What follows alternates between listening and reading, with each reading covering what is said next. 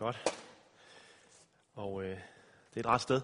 Vi er, øh, var ikke helt så mange i kirke her til morgen, som vi er her i dag, men øh, sådan set derhenad. Vi havde også dåb, så det gør noget ved det.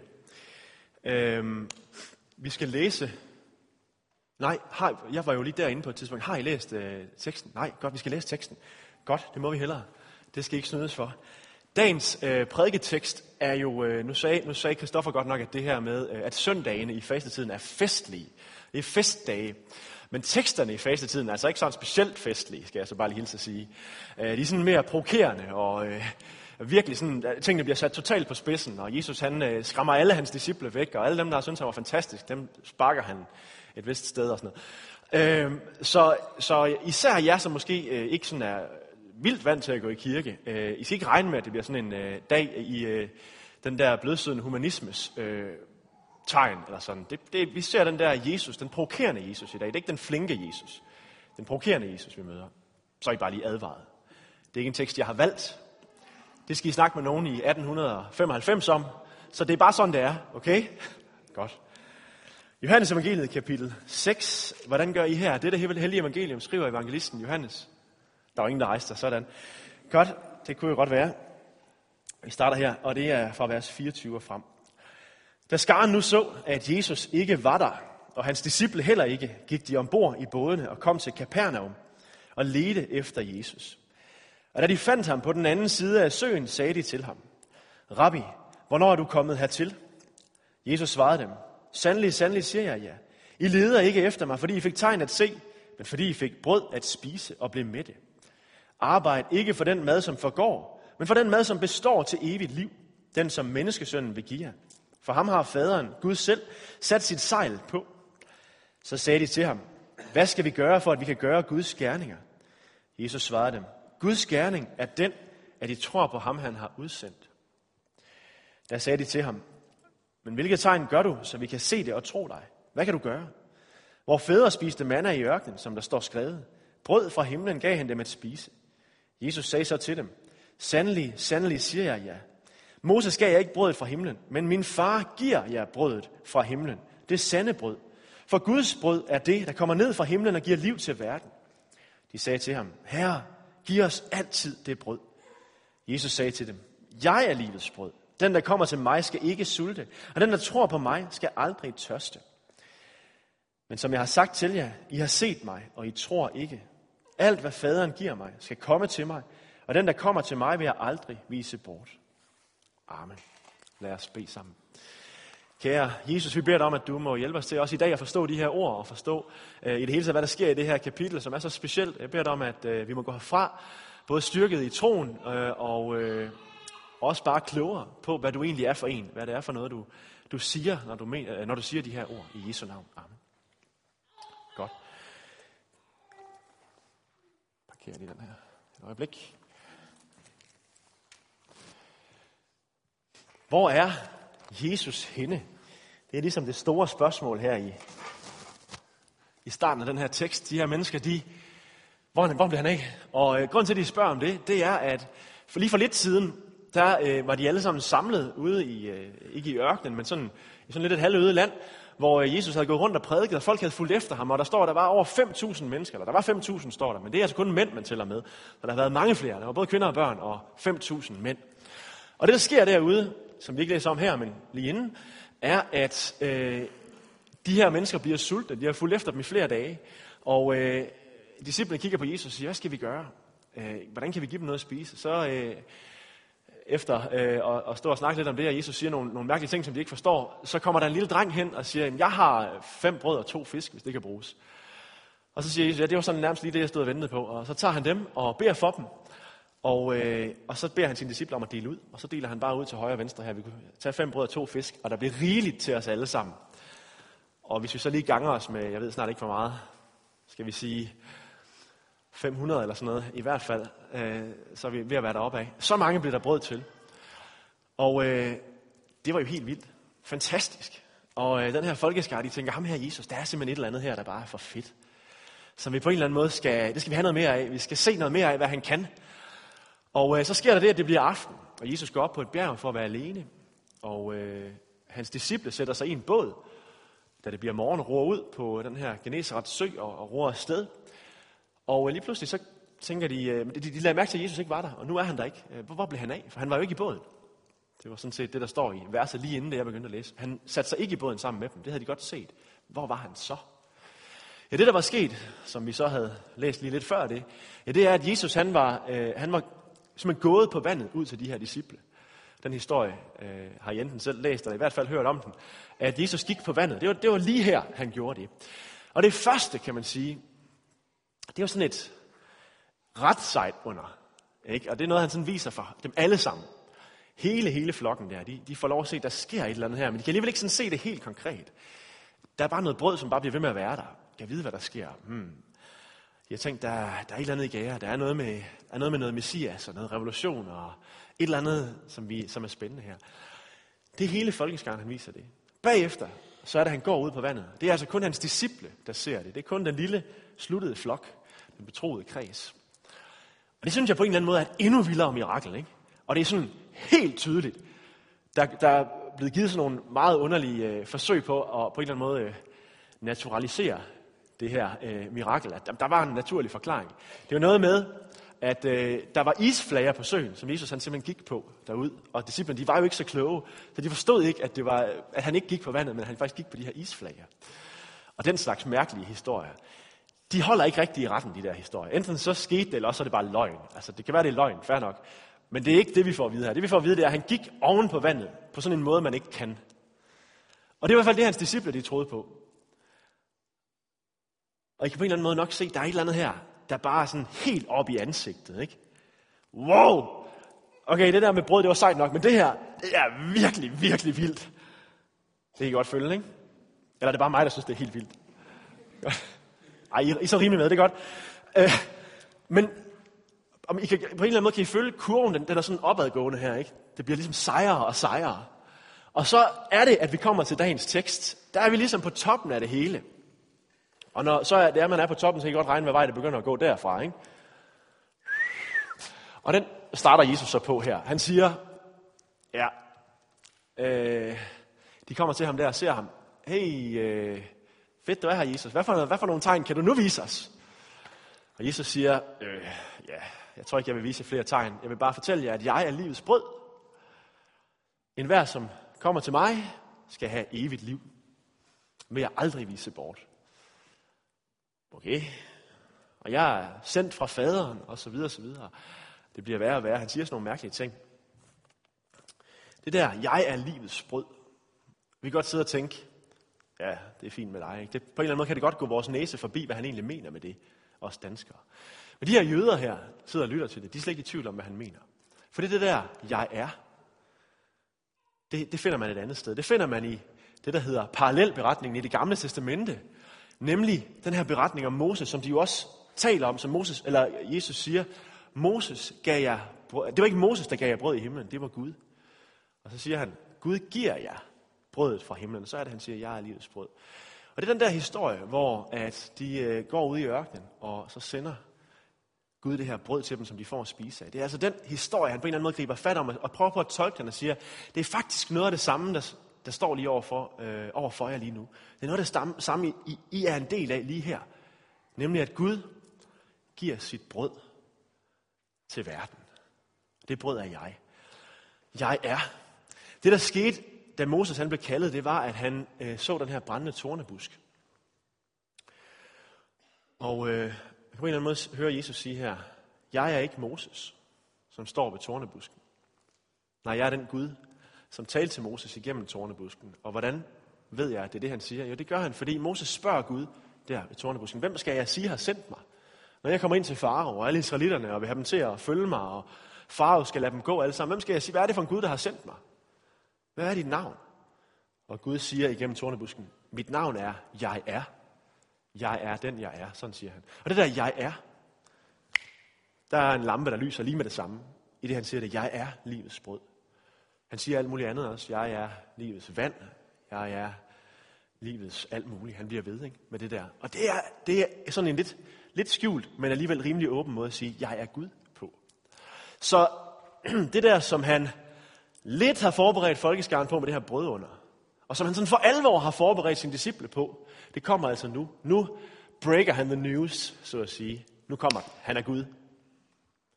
Ja. Nu bliver det alvor, ikke? Fordi det andet der, det var jo fint nok. Det der med, at øh, der skete nogle spændende ting, og vi kunne ligesom få lov at være en del af det, og havde det sjovt, og Jesus han var der ligesom for os. Det kunne aldrig rigtig gå galt, fordi så gjorde Jesus lige der en sejn, ikke? Nu kommer vi over i noget andet, at han viser sig, hvem han er, og så begynder han at kalde folk til at følge ham. Han siger, at vi skal spise det der brød. Og hvis vi læste videre, så bliver det værre endnu. Så siger han det mest mærkelige ord. Den, der ikke spiser af menneskesøndens kød, det er ham selv, han mener, og drikker hans blod, har ikke liv i sig. Det er da mærkeligt. Og de der jøder, hvad snakker du om? Skal spise dit kød? Det er klamt.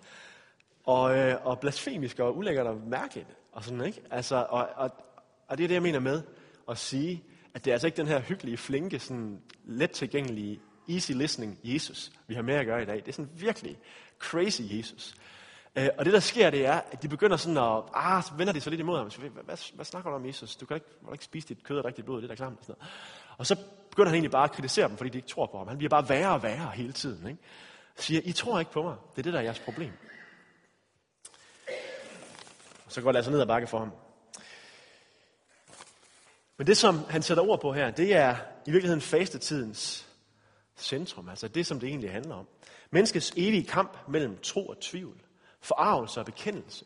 De her mennesker, de behøvede ikke et tegn mere. De havde lige fået et helt fantastisk tegn. Hans disciple havde fået to helt vilde tegn. Så hvorfor komme og spørge om et tegn mere? Bare tro, det er egentlig det, han siger til dem. Siger til dem. Nej, det vil de alligevel heller ikke helt. Det vil alligevel godt lidt. Men de vil alligevel heller ikke lige helt. Og på mange måder, så det er det, det, er det fastetiden, den på en eller anden måde sætter fokus på. Den her kamp, der er imellem os. Kødet, den prøver på at, og, øh, og, og rive os væk fra Jesus. River mennesket mod sin grav. Ikke? Hele tiden at fjerne os fra det, som er godt. Og ånden, som på den anden side, prøver på at føre os hen til ham. Til troen på ham, til efterfølgelsen af ham og til hans evige lys.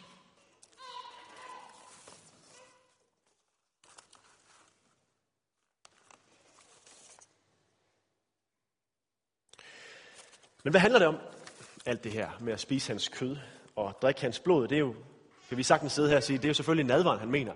Og det er det jo sådan set også. Øh, nadvaren er, er, er i hvert fald symbolet på det. Det er det, der skal minde os om, øh, hvad det egentlig er. Fordi det er noget andet, han mener. Han mener at følge ham. Han mener at tage ham ind. Han mener at, øh, at lade alle hans kilder få lov at bo i mig, som Christoffer var inde på til at starte med. Øh, han mener at vælge at tro på ham. Tro på Jesus som sin Gud og sin frelser. Det er sådan set essensen af, hvad det vil sige at modtage ham i tro. Kødet blev gennemboret. Jesu kød blev gennemboret. Det er det, vi ser frem til i påsken. Der tog han straffen for vores sønders skyld. Og det er sådan set det kristne budskab. Det er evangeliet, og det evangelium bliver på en eller anden måde aldrig mere levende, når vi står derover for øh, øh, mødet med døden. Jeg har haft to begravelser i den her uge, og øh, påskens budskab bliver bare så ekstremt nærværende og levende, lige når vi står der. Fordi der har det godt nok betydning, om det er rigtigt det her, eller ej, og om man har troet på det, eller ej. Evangeliet betyder gode nyheder. Og De gode nyheder, de er, at Jesus døde på korset for menneskers synder. For vores synder. Så Gud har altså taget form i Jesus. For at leve sit liv her på jorden. Og være sammen med os. Vi skulle få lov at lære ham at kende. Men som kronen på værket, så har han taget den straf, som du og jeg kunne, øh, kunne på en eller anden måde kunne møde hos Gud, hvis han ville holde os, det, holde os vores synder imod os. Alt det, som vi har gjort forkert, alt det, som vi et eller andet sted godt ved, det er jeg måske ikke for stolt af, eller det er måske ikke så heldigt. Alt det, det dør han for på korset. Det tager han på sig. Han er død for os. Og derfor siger han, at enhver, som tror på mig, skal leve, selvom han dør. Men hver, som tror på mig, skal leve, selvom han dør. Det siger han lidt længere henne i Johannes evangeliet. Den, som kommer til Jesus, viser han ikke bort, men Jesus tager imod ham. Det kan han gøre. Fordi der på korset, så er skylden betalt. Så er der ikke længere noget, som Gud han vil holde imod os. Og i Harte Kirke, hvor jeg er præst, der er der sådan et øh, rigtig øh, fantastisk alter, synes jeg, hvor der står, der var egentlig sådan et gammelt alterbillede, men så man, man prøvede at restaurere og finde det frem, men det var så slidt, at man kunne ikke hente det frem. Så i stedet malede man det over, og så skrev man Johannes øh, evangelie kapitel 3, vers 16 og 17, og der står, for således elskede Gud verden, at han gav sin enborne søn, for at den hver, som tror på ham, ikke skal fortabes, men have evigt liv. Det er den ene side af det. Så det næste, det er i vers 17, der står, for Gud sendte ikke sin søn til verden for at dømme verden, men for at verden skal frelses ved ham. Og jeg synes, de to sætninger er så utrolig fantastiske, fordi det ene sted, der hører vi, Jesus, Gud elsker os. Gud elsker verden, derfor kom han. Men vi skal tro på ham for at tage imod det. Men det er altså ikke, når vi taler om det, frelse og fortabelse, så er det ikke noget, Gud ønsker for nogen. Han ønsker ikke fortabelse for nogen. Han ønsker frelse for alle mennesker. Han ønsker brændende, at vi vil tage imod ham. Vi vil komme til ham. Og det er det, der sker her. Det er det, vi møder. Han, hvad skal man sige? Han gør ligesom tydeligt. Det er ikke, øh, det er ikke en one-way street, det her. Der er, ikke, der er ikke kun én vej her. Der er to veje, du kan gå på. Du er nødt til at følge mig, hvis du vil have Guds tilgivelse, hvis du vil tage imod øh, hans evighed, hans løfter om opstandelse. Men det er det, jeg ønsker. Det er det, Gud han vil. Han nøder os til det.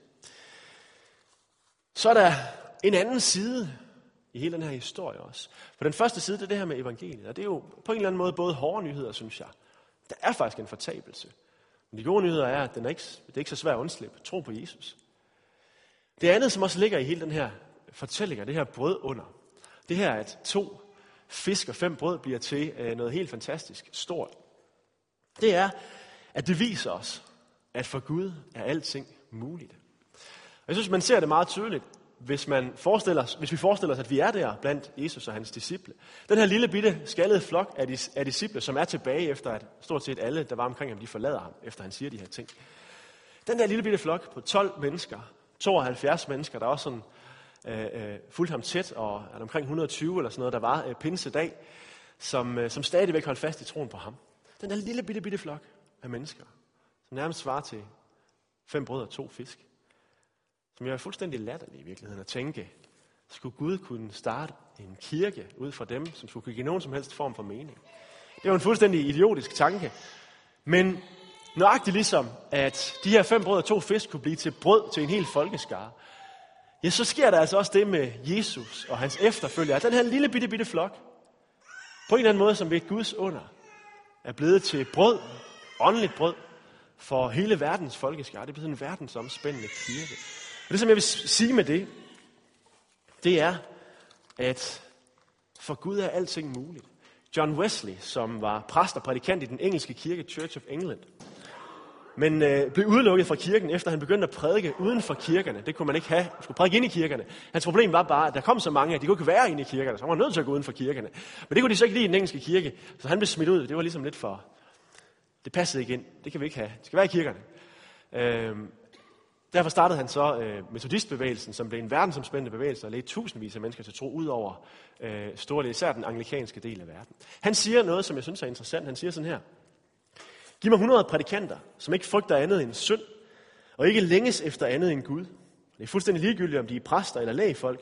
En sådan gruppe vil ryste helvedes porte og opbygge Guds rige på jorden. Bare 100 mennesker. Det er sådan set lige, man skal bare have en lille bitte flok. Vi skal bare ville det af hele hjertet. De skal bare være klar til at spise det der brød. De skal være klar til at spise det kød og drikke det blod og gå hele vejen. Så kan hvad som helst ske. I Harte Kirke, øh, der var vel sådan cirka 20 til gudstjenesterne, da jeg kom. Øh, jeg har været der et par år nu, nu er vi omkring 40. Øh, og en, en stor del af dem er mennesker, som er kommet til tro. Cirka 10 af dem i løbet af de sidste par år. Og jeg, jeg synes, du ved, det er sådan en virkelig ultra-traditionel kirke. Jeg ja, nok lidt mindre traditionel end så mange andre præster, men alligevel, det er bare meget simpelt det hele. Ikke? Og jeg står nogle gange og tænker, hvad sker der lige ude? Hvordan? Wow, så kom der bare en masse folk i år. og det er jo ikke en masse folk, men det er alligevel mere, end jeg havde regnet med. Eller sådan, ikke? Øh, og jeg, jeg husker, jeg bad en bøn til ham her øh, inden jul. Øh, eller jeg delte bare sådan lige mine tanker øh, med Gud og tænkte, Gud, det er helt fantastisk, hvad der er sket i år. Vi havde 24 på alfakursus i sådan en lille bitte sovn. Øh, alfakursus er sådan et grundkursus i kristendom. Det var bare en stor succes for os. Øh, men jeg kan ikke lige se, hvordan det skulle kunne lade sig gøre igen næste år, at det skal gå så godt. Øh, nej, men ja, det lægger jeg bare til dig. Og så øh, mellem jul og nytår, der kom der to mere, sådan helt ud af det blå, som har været til hver eneste gudstjeneste lige siden. Ikke? Øh, og det er jo små tal, det er, igen, det er en latterlig lille begyndelse. Men jeg synes, for mig bliver det bare sådan et eller andet om, at hey, det er bare muligt for ham. Det er bare muligt. Der er en grund til, at jeg er her. Og der er en grund til, at det, no, at, at det er okay, at det nogle gange er hårdt og gammeldags og specielt at øh, være sovnepræst. Fordi der, Gud han kan gøre alt. Og det vil vi bede ham om. Og det tror jeg på. Og det vil jeg på en eller anden måde også bare sige, øh, sige til jer, give jer med fra den her tekst. Jesus han siger, høsten er, er redde, høsten er klar, den er stor, men arbejderne er få. Bed høsten sager om at sende arbejdere ud til sin høst. Og i det, der er det så nemt, fordi der er vi den eneste kirke. Guds menighed, det er hans arbejdere. Der er ikke andre end os. Så der er altså ikke nogen andre, vi skal bede om at sende ud. Det er lidt anderledes her. Der kan I godt bede om, at de Sankt Hans må gå ud, mens I sidder her og beder. Ikke? Men det er altså ikke det, han mener. Han mener sådan set, det er os alle sammen. Og beder om, at der komme nogle flere, men lad os gå ud og gøre det. Lad os på en eller anden måde tage arbejdshandsken på. Der var noget, øh, en enkelt sætning her i, i teksten, øh, at arbejde for, at man brugte faktisk det ord, arbejde for netop det her, det må blive virkelighed i jeres egne liv, at I må tro på ham, men også at I må bære, bære frugt som menighed. Og det kan faktisk lade sig gøre, vi ser det i Bibelen. Men vi har også set det i kirkehistorien igen og igen og igen. Hvordan kan det være, at der er en kirke i hele verden? Det er jo fordi, at øh, kirken gik frem med en fuldstændig uset altså øh, øh, hastighed, fuldstændig uhørt. Den her lille bitte, bitte flok, hvis øh, leder var blevet korsfæstet, og alle havde regnet med, at det her, det, det, det dør bare ud. Det er bare sådan en lille brud, der forsvinder. Den lille gruppe, fuldstændig desillusionerede mennesker, de mødte den opstandende Jesus påske morgen. Og det gjorde, at de levede et liv, hvor det eneste, de frygtede, det var synden. Og det eneste, de virkelig længtes efter, det var Gud. Det var udbredt hans rige, nøjagtigt som John Wesley talte om. Det man faktisk ved i dag, det er, at de mere eller mindre alle sammen, ikke dem alle sammen, ganske få af dem overlevede. Men de andre blev slået ihjel for deres tro på, at Jesus er opstanden. Og det, der skete dengang, det var, at når du af romerne var blevet taget til fanger, og du stod med, med, med, med sværet for, øh, for halsen her, eller du var ved at blive smidt ind til løverne, så blev du altid tilbudt at omvende dig og sige, vil du fornægte din tro? Bare fornægte Jesus. Så vil, du være, så, vil, så vil de have fået lov at gå fri. Jeg har det lidt sådan, du ved, vi kender jo øh, masse historier øh, fra nyhederne og World Trade Center, og hvad ved jeg, om mennesker, der er gået i døden for deres tro. Det er meget populært i dag at gå i døden for ens tro. det beviser i sig selv ikke noget. Det beviser bare, at man er enormt overbevist om det, man tror på. Men det er helt anderledes med de her disciple. For de troede ikke på Jesus. De troede ikke på, at han var opstanden. Enten så vidste de, at de selv havde fundet på den historie, eller også så vidste de, at de havde set ham med deres egne øjne opstanden. Og det sidste var de altså villige til at dø for. Det var ikke noget, de troede fuldt og fast på. Det var noget, de var fuldt og fast overbevist om. Jeg tror ikke på, jeg, tror, jeg har virkelig svært ved at forestille mig, at man skulle kunne få noget som helst menneske til at gå, og endda en hel gruppe af mennesker, til at gå frivilligt i døden for noget, de ved er verdens største løgn. Det giver på en eller anden måde ikke mening. Du kan godt blive ved ud af den her boldgade. Det jeg bare vil sige med det, det er, at der er, bare, der er bare god grund til at tage imod det, Jesus han siger i dag. Lad os tage imod det. Lad os tage imod det. Og den samme kraft, som oprejste Jesus fra de døde, han døde på korset for os. Langfredag, det var den dag, døden, Sønnen havde regnet med, at den havde slået Gud ihjel. Men det vilde, det fantastiske, det var, at søndag morgen fandt den ud af, at den kunne ikke holde ham. Den kunne simpelthen ikke holde ham. Han, han opstod igen. Gud oprejste ham fra de døde. Den samme kraft, som fik et dødt læme til at blive spillelevende, og til i dag at være hos Gud. Den samme kraft, der bor i dig og mig, som kristne. Det er Helligånden. Den samme kraft, som disciplene gik ud med. Den samme kraft, som har virket igennem kirkehistorien. Og som virker ud over i verden, øh, hele verden i dag. Og fører mennesker til tro. Gør de mest utrolige mirakler. Den samme kraft er lige her i den her menighed. Og hos jer. Så det er mit ord til jer i dag. Tro på Jesus. Det er det ene. Vi plejer at sige, øhm, når vi har nadver i, øh, i Harte, så efter hvert, hvert nadverbord, så siger jeg, citerer lidt fra, fra en af de tekster, vi har læst, og så siger jeg, gå i Guds fred. Og det er den ene del. Gå i Guds fred. Det er det her med, ved at her har du fået fred med Gud. Du har modtaget nadveren. Du har et, du er gået op i tro på ham. Taget imod ham. Det betyder, at du kan gå frimodigt og vide, at du er tilgivet. At Gud løfter ikke pegefingeren mod dig. Han rækker armene ud imod dig og siger, velkommen min, mit barn. Jeg er stolt af dig, jeg er glad for dig. Gå i Guds fred, og det andet det er at tjene Herren med glæde. Fordi det at være kristen, det er begge dele. Og det ser vi bare meget tydeligt i dag, i den her tekst. At vi kan frimodigt tage imod det. Vi har så stærke løfter. Men der er så også noget, vi skal gå ud på baggrund af. Det er noget, vi skal leve i. Det er noget, vi skal tage med os ud i en verden, der har så meget brug for at høre det. Så det ikke bare for os selv og bliver her, men det bliver spredt ud til hele Odense, og hvor du